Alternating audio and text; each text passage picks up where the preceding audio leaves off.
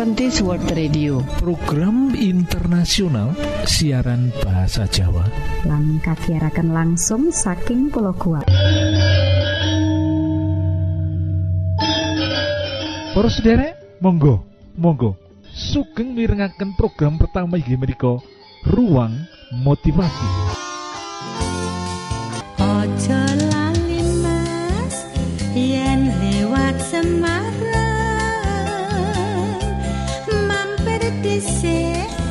upama aku bisa ketemu simbok arep tak gawakake sak ronci kembang melati.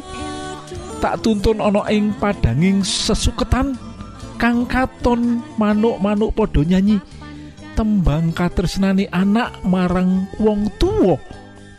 Upama aku bisa ketemu simbok arep tak usap eluh ing pipine. Nalika simbokku nangis ngelingi jaman rekasane aku bakal ngundang kupu-kupu supaya nari lan gandeng gandengan. Simbokku mesti seneng lan ngetokke esem. Upama aku bisa ketemu simbok aku bakal nglumpukake butir-butir embun sing tumetes ana ing pucuk gegodongan. Tak aturake simbok kanggo masuh sikile sing kebak bletok. Emane aku ora bakal ketemu simbok sing wis mapan sare ana ing sandingi Gusti ngrasakake katentreman sing abadi ngisep woing katresnan kang sejati ing ngarsani Allah kang moho suci. Geguritan upama aku ketemu simbok iki luar biasa. Kepingin ketemu simbok lan membahagiaake. Pengen ketemu ibu nanging ibu sing pengen kita bahagiaake iku wis kita sering terkenang kebaikan ibu. Amarga opo pada masa lampau. Ing zaman dhisik meh mesti dipastekake. Seorang wanita akan menghabiskan hidupnya sebagai ibu rumah tangga. Berperan penuh sebagai ibu rumah tangga full time. Ibu berperan ganda kadang-kadang sebagai ibu lan kadang-kadang sebagai pekerja di luar rumah. Nanging urip lan pelayanannya ibu dadi kenangan manis amarga opo amarga pelayanan ibu sing ora mementingkan diri. Kasih sayang ibu sing ora mementingkan diri. Pengorbanan ibu sing ora mementingkan diri. Diwenehni kabeh marang putra putrani iki sing dadekake pelayanan ibu dadi mulia. Ibu sing selalu menanamkan dan menumbuhkan karakter-karakter sing indah. Mendidik anak menanamkan nilai-nilai luhur. Sing kabeh mau pekerjaan sing ora gampang nanging ibu tetep setia. Waktu demi waktu tahun demi tahun digunakake menanamkan lan menumbuhkan karakter sing indah iki. Iki sing luar biasa. Ibu membentuk membentuk apa? Membentuk kita bertumbuh menjadi anak-anak sing tetap memiliki karakter sing indah. Lah kaya mengkini iki?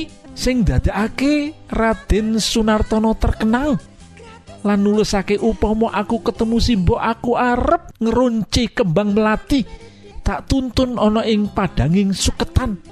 Nanging wis ora iso ketemu.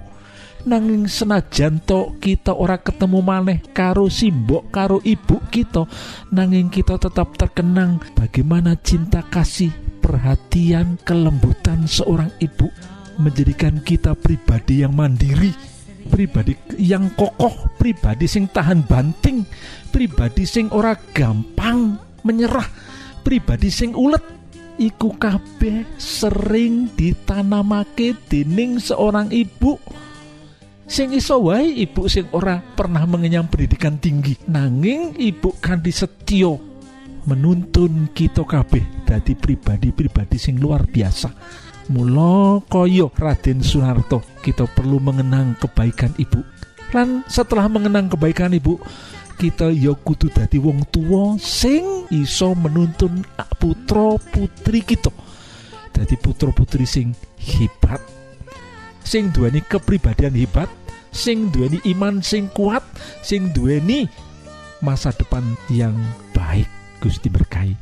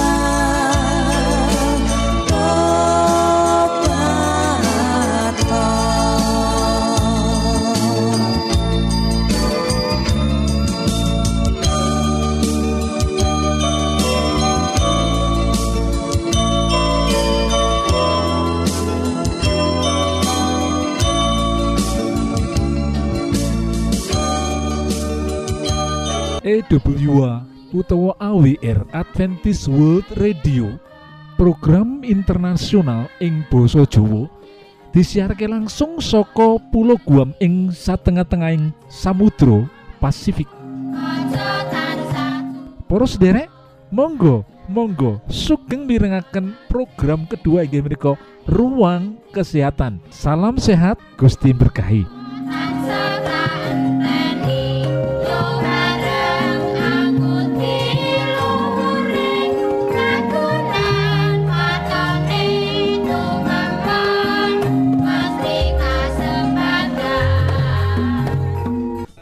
Ginjel kang sehat bakal ngatur kadar asam urat jero getih supaya kadare tansah normal. Nanging merga kakean asam urat saengga ora bisa ditampung lan sakabehing ora bisa diolah dening awak. Kaluwihane iku akhire numpuk ing sendi lan jaringan. Asam urat ing cacah winates uga diproduksi saka panganan kang dijur jero weteng. Asam iki lewat usus besar bakal dijur bakteri dadi zat kimia kang diwetokake bareng karo feces utawa kotoran kang diwetokake saka usus. Produksi asam urat kang linuwih resikone dhuwur tumrap saking gangguan kaya dene penyakit artritis gout, batu ginjal, rusake ginjal, sarta tekanan darah tinggi. Gangguan artritis gout mujudake salah siji jinis rematik. Kurang luwih ana 150 jenis artritis. Kelainan metabolik iki akeh-akeh nyerang sendi-sendi perifer utawa tunggal. Gejala nyeri lan kaku asifat akut utawa tetaunan wiwitan dhewe nyerang sendi-sendi jempolan sikil. Nganti menyang driji-driji liyane.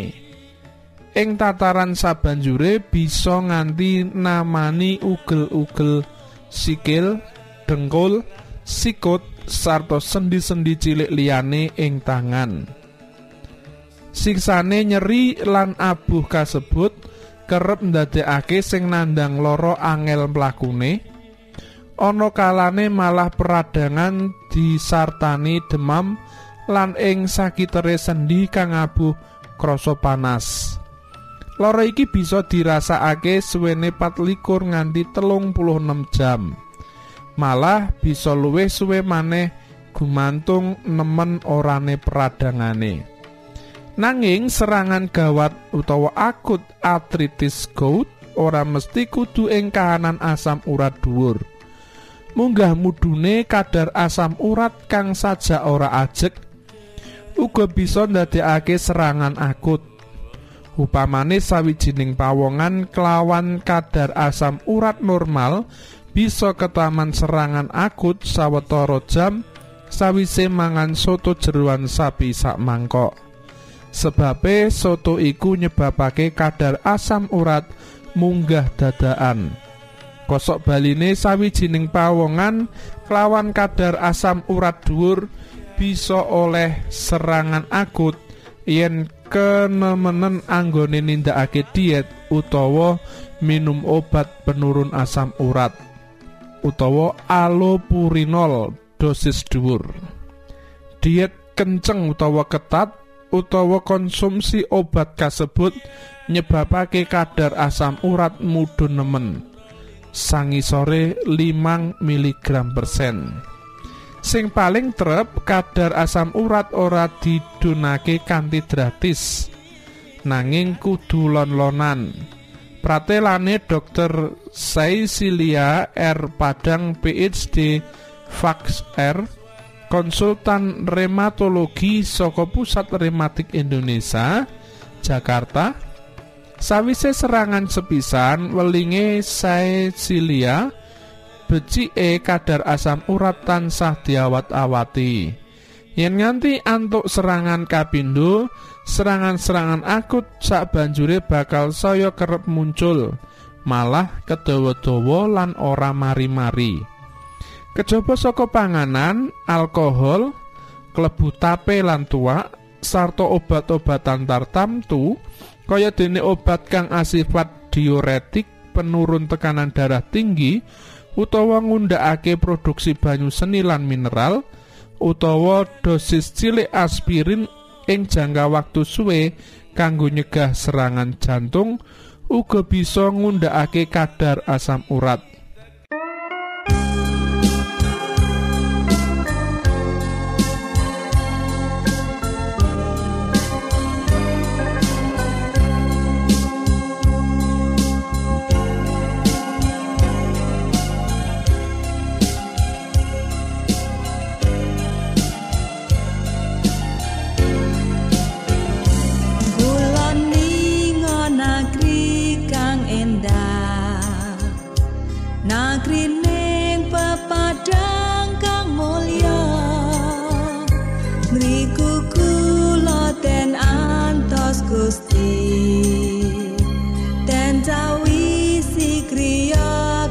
пока.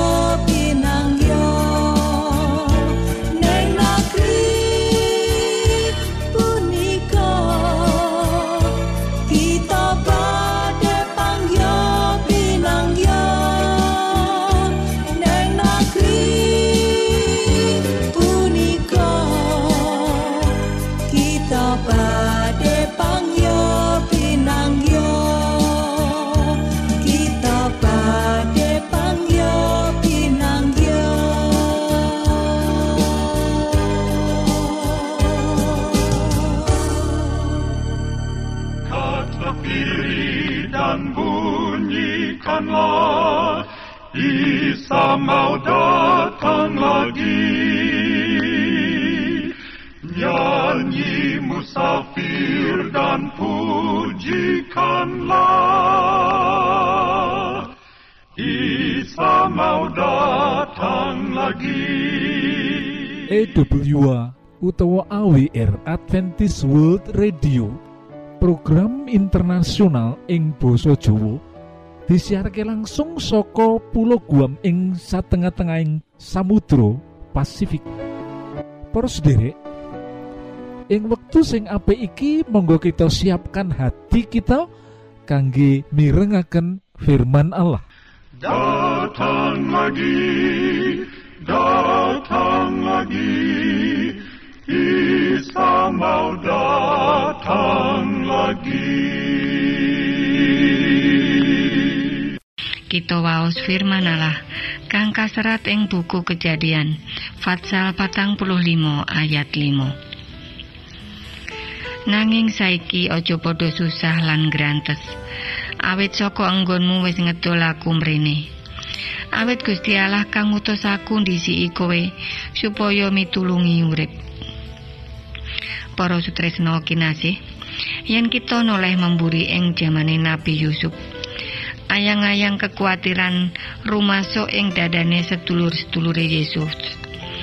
Sedulur-sedulure Yusuf nalika dheweke ngenalake dirine marang sedulur-sedulure.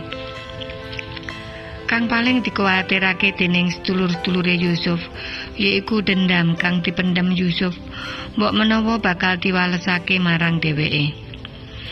Padha ngeling-eling puluhan taun kang wis kepungkur. Nalika padha ngedol adik kang dikasihi banget dening bapake.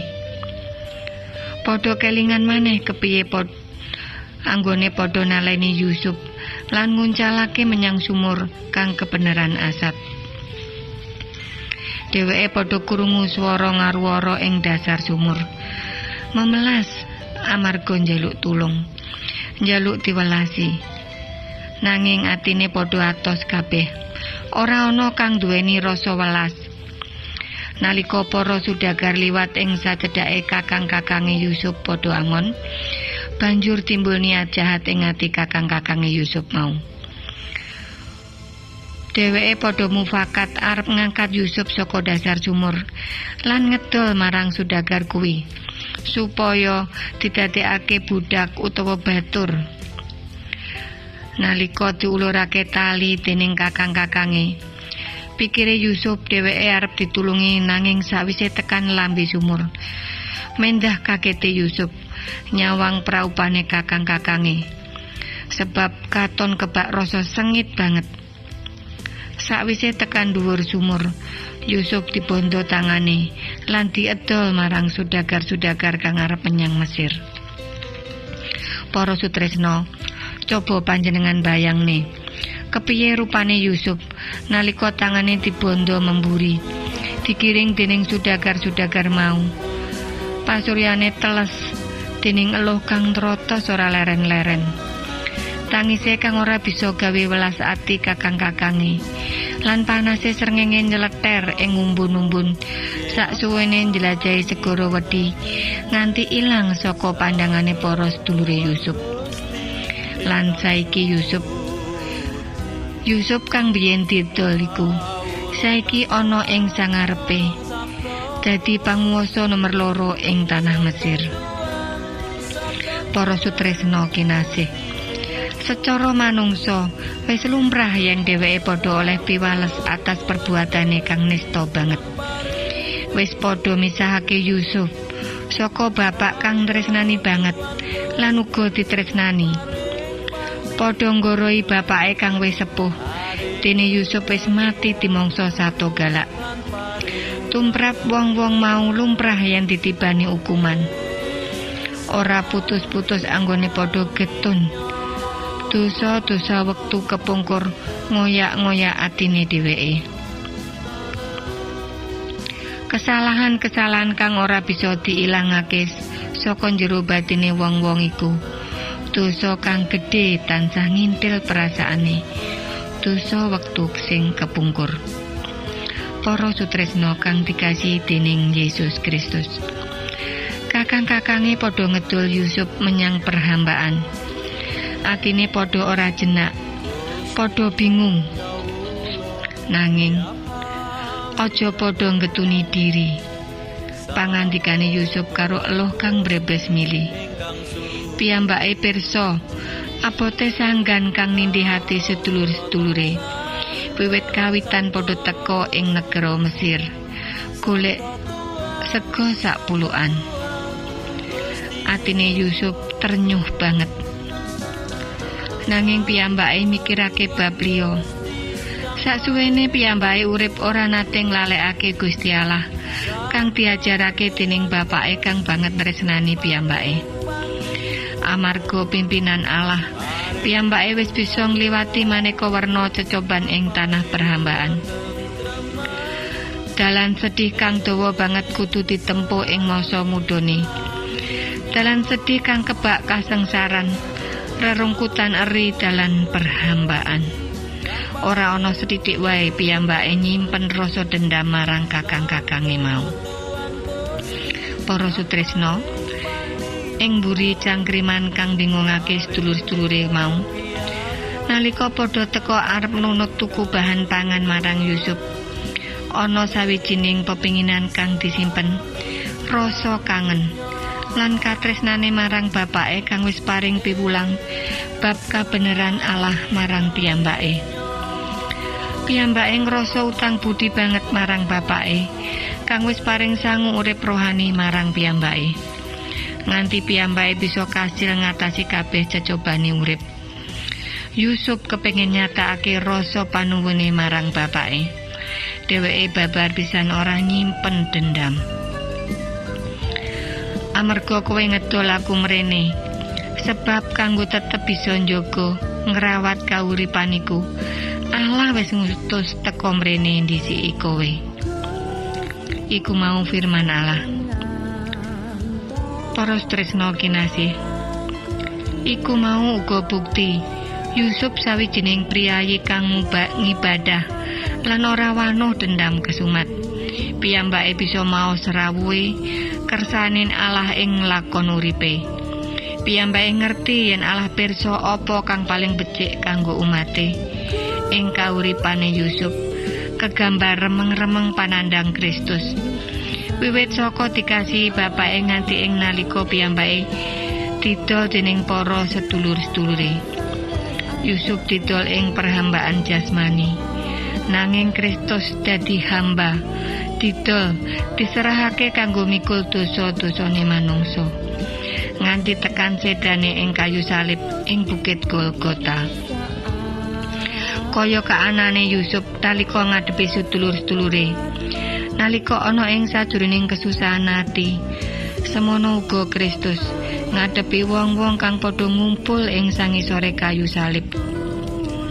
Panjenengane ngendika, "Aja padha nangisi aku, nanging padha nangiso kanggo awakmu dhewe."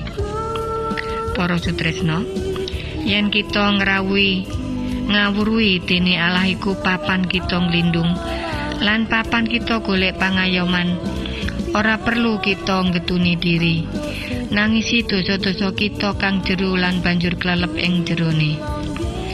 Gusti Allah wis ngirim putrane kang ontang-anting kanggo nebus sekabeh dosa lan kesalahan kita supaya kita padha duwe kesempatan oleh urip langgeng ing donya anyar mengko.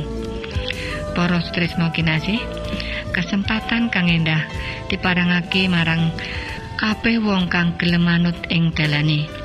Muga-muga renungan cekak iki bisa mbantu panjenengan nemtokake dalan kang dipilih. Amin. Cekap semanten siaran Kawulo pilih wonten pitaken-pitaken utawi unjuin atur masukan-masukan lan menawi panjenengan gadah pepengingan ingkang lebet. Badhe sinau ba pangantikaning Gusti. Lumantar kursus Alkitab tertulis Monggo. Kulo aturi pepanggihan kalian radio Advent suara pengharapan kotak pos wolu 00 Jakarta setunggal kali wolu setunggal 0 Indonesia. Utawi pesawat telepon 0 wolu kali setunggal setunggal sekawan songo setunggal pitu 0000 lan email jawa awr at yahoo.com panjenengan saged mlebet jejaring sosial Kawulo inggih menika Facebook pendengar radio Advent suara pengharapan utawi radio Advent suara pengharapan. Saking studio Kulo ngaturaken gong ing panuwun